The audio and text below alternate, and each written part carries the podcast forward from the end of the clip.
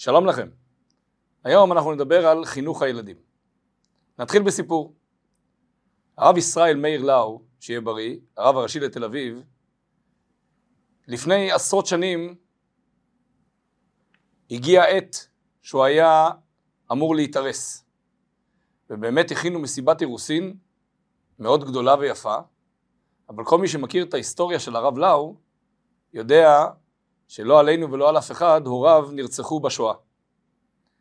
וכמובן שבמסיבת האירוסין, אז הגיעו הרבה חברים, אבל הוריו לא היו נוכחים בגופם, ומן הסתם היו נוכחים בנשמתם.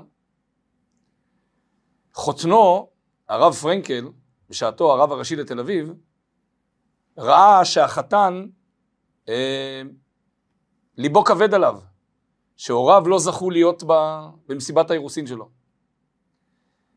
ואז הוא אמר דבר תורה שיישב את דעתו של החתן הצעיר, ולנו נשאר אה, לקח ורעיון מאוד חזק לחיים של כל אחד למעשה. הוא אמר ככה, כתוב בתורה על כן יעזוב איש את אביו ואת אמו ודבק באשתו והיו לבשר אחד. השאלה המתבקשת למה יעזוב? למה צריך האיש לעזוב את אביו ואת אמו? אם אומרים את זה לאבא ולאימא זה נשמע קצת אה, לא יפה או לא מתחשב באבא ובאימא. למה יעזוב? על כן יבנה בית, אבל הוא לא צריך לעזוב את אביו ואת אמו. והסביר הרב פרנקל שיעזוב זה מלשון עיזבון, כמו ירושה.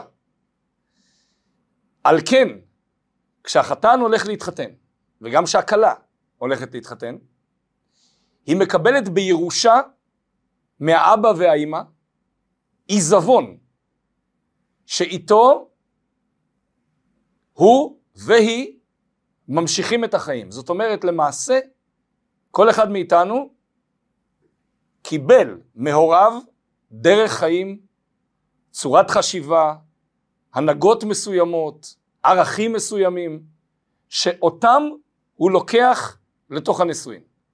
על כן יעזוב איש את אביו ואת אמו, לא מלשון עזיבה, אלא מלשון עיזבון, הוא לוקח את העיזבון ודבק באשתו, הוא מתחתן והיו לבשר אחד, ואת הערכים שלו הוא מביא לתוך הנישואין האלה.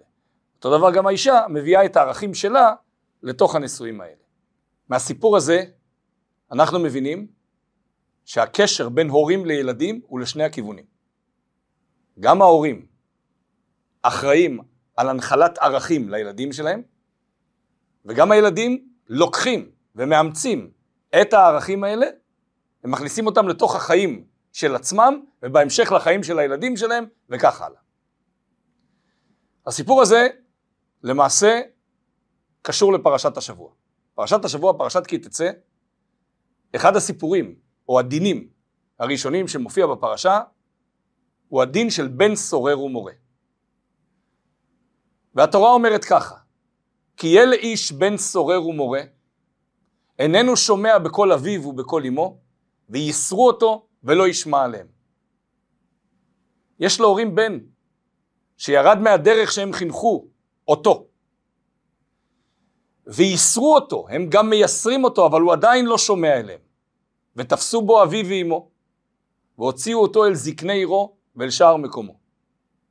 ואמרו אל זקני עירו, בננו זה, איננו שומע בקולנו, זולל וסובה. ואחר כך התורה כותבת מה דינו והלאה והלאה. מה משמעות המילים איננו שומע בקולנו? אז אנחנו נחלק את זה לכמה חלקים, שלושה חלקים, ואנחנו נראה איך אפשר להתמקד בשלושת החלקים האלה ולהגיע בסוף, בעזרת השם, לתוצאה טובה ולהנחלת ערכים ומסרים בצורה שגם תופיע בשטח, כלומר תשפיע על הילדים שלנו. קודם כל המילה קולנו. קולנו בשותפות. מוכרח שבין האבא ובין האימא יהיה סינכרון של ערכים. שהדיבור וההוראות והמסר שמעבירים לילדים יהיה מסר משותף. לא יכול להיות מצב שהאבא נותן מסר אחד והאימא נותנת מסר אחר, וכשהמסרים לא משותפים והמילה קולנו לא נמצאת, אז חס ושלום זה משפיע מיד על החינוך של הילדים. איננו שומע בקולנו מתפרש גם שאין לנו קול משותף, הוא לא שומע את הקול המשותף שלנו, כי הקול המשותף שלנו לא קיים. וכל אחד אומר משהו אחר. אז לא צריך לקחת מקרים קיצוניים שבו למשל זוגות שאחד ה, מבני הזוג חזר בתשובה והצד השני לא חזר בתשובה ואז המסרים הם מסרים שונים, גם במקרה הזה יצטרכו ההורים לשבת ולסכרן ערכים ולהחליט על מה הם כן מסכימים. אבל במקרים סטנדרטיים, שבו בבסיס לשני ההורים יש את אותם ערכים, אבל כל אחד אומר משהו אחר, כל אחד מתמקד על משהו אחר, או מחליש או מעצים משהו אחר, ואז הילד יוצא מבולבל. איננו שומע בקולנו כי אין לנו קול משותף, אז איך הוא ישמע דבר שלמעשה לא קיים? אז הדבר הראשון זה אחדות בתוך הערכים המשותפים של ההורים. איך עושים את זה? יושבים. ההורים יושבים ביחד. או כדברי הרבי הרש"ב, שצריך לחשוב על חינוך הילדים לפחות חצי שעה ביום. יושבים ביחד, חושבים ביחד, מה אנחנו אומרים, מה אנחנו משדרים, כמה מהדברים האלה חודרים לאוזני ילדינו, מה אנחנו יכולים לעשות כדי לשפר את זה, מה אנחנו יכולים לעשות עם בעיה X, Y, Z. הילד הזה הוא uh, קצת יותר חוצפן ולא שומע בקולנו, הילד השני לא עושה שיעורי בית, השלישי uh, לא עושה את המטלות בבית, ילדה כזאת לא מתלבשת בצורה הולמת, ילדה אחרת לא מדברת בצורה הולמת, וגם בצד השני, בצד החיובי, הנה הילד הזה והזה, ברוך השם, משתפר, עשה ככה וככה, וכך לשבת וללוש ולדון את כל מה שקורה בתוך הבית, וליצור אחדות משותפת בדיבור של מה אנחנו באמת רוצים מהילדים שלנו. ואחר כך השלב הבא זה כשמדברים עם הילדים, אז מדברים באותו קול בדיוק. זה לא כל כך משנה מי אומר את הדברים, זה משנה שהמסר עבר שאבא ואימא מאוחדים בדעה ומאוחדים בדיבור. ואז ילדים הם מומחים ב, ב, באינסטינקט שלהם למצוא איזושהי פרצה ולהיכנס בין האבא או בין האימא. ולהגיד, אבל אבא אמר הפוך, אבל אימא אמרה הפוך. לא. מה שאבא אומר, אימא מסכימה. מה שאימא אומרת, אבא מסכים. ואם הם לא מסכימים, את כל הליבון של הדברים הם לא יעשו לעיני הילדים, הם יעשו את זה בחדר. יעשו את זה בפני עצמו. ויגיעו בסוף למסקנה מה אנחנו באמת רוצים. איננו שומע בקולנו, זולל וסובא. זה סיבה ומסובב. כלומר, בגלל שהוא לא שומע קול אחיד, אז הוא גולש החוצה. אז הוא מחפש לעצמו איזשהו משהו אחר, איזושהי מסגרת אחרת. גם אם זה פריצת המסגרת, זה מין סוג של מסגרת שהוא מצא לעצמו. אז זה הרעיון הראשון. מסר אחיד, מסר מאוחד, בלי זה אי אפשר להתקדם הלאה. הדבר השני, זאת הרגשת האחריות של ההורים, שהעניין הוא בידיים שלהם, והם אחראים על הטיפול בדבר הזה. לא מזמן פורסם שהיה איזה אדם בהודו, אני חושב לפני אה, שלוש, ארבע שנים, שטבע את ההורים שלו. אדם בן 28-29, אה, עורך דין, תבע תביעה משפטית את ההורים שלו, למה הבאתם אותי לעולם? מה שהוא שכח כנראה שגם ההורים שלו עורכי דין, והם יצאו מהתביעה הזאת בטענה גם כן מצחיקה, שהטענה הזאת אומרת, אה, רצינו להתייעץ איתך, אבל לא היה עם מי. אבל שימו לב לתביעה המשפטית, לאבסורד שבדבר. הילד, במקרה הזה, אדם בן 28-29, אה, תובע את ההורים שלו, למה הבאתם אותי לעולם? אני לא רוצה להיות פה בכלל. מה אנחנו יכולים ללמוד, ללמוד מזה כיהודים? דבר ראשון, יש לנו אחריות על הילדים שלנו. הבאנו אותם לעולם כי אנחנו שותפים עם הקדוש ברוך הוא בבריאה הזאת שנקרא ילדים. והקדוש ברוך הוא פונה לכל אבא ואימא ואומר נעשה אדם בצלמנו כדמותנו. ככה הסביר את זה הרבי מלובביץ'. הפנייה היא להורים, אתם תדאגו לפן הגשמי של הילודה ואני אתן את הנשמה. אבל אתם, אתם תחנכו. אתם לא תברחו מאחריות. ואתם תעשו כל מה שאתם יכולים, כמובן הכל בסייעתא דשמיא, והכל זה בעזרת השם, אנחנו עושים כלים בעולם, אתם תעשו כל מה שאתם יכולים כדי שיצא חינוך, כדי שהילד הזה, הילדה הזאת, יצאו מחונכים, מחונכים לפי הערכים שלכם. כשלא אומרים שום דבר, הילד יוצא מחונך לפי הערכים של הטלוויזיה, או לפי הערכים של הרחוב, וזה השם ישמור. כשאומרים, יוצא חינוך. עוד פעם, ועוד פעם, ועוד פעם, בעקשנות מאוד גדולה, בסבר פנים יפות, אבל מתוך תחושה של שליחות, שלא נפסקת לרגע. עד, ש... עד שבעזרת השם הילדים מתחתנים, יוצאים מהבית, ואז הם כבר ברשות עצמם.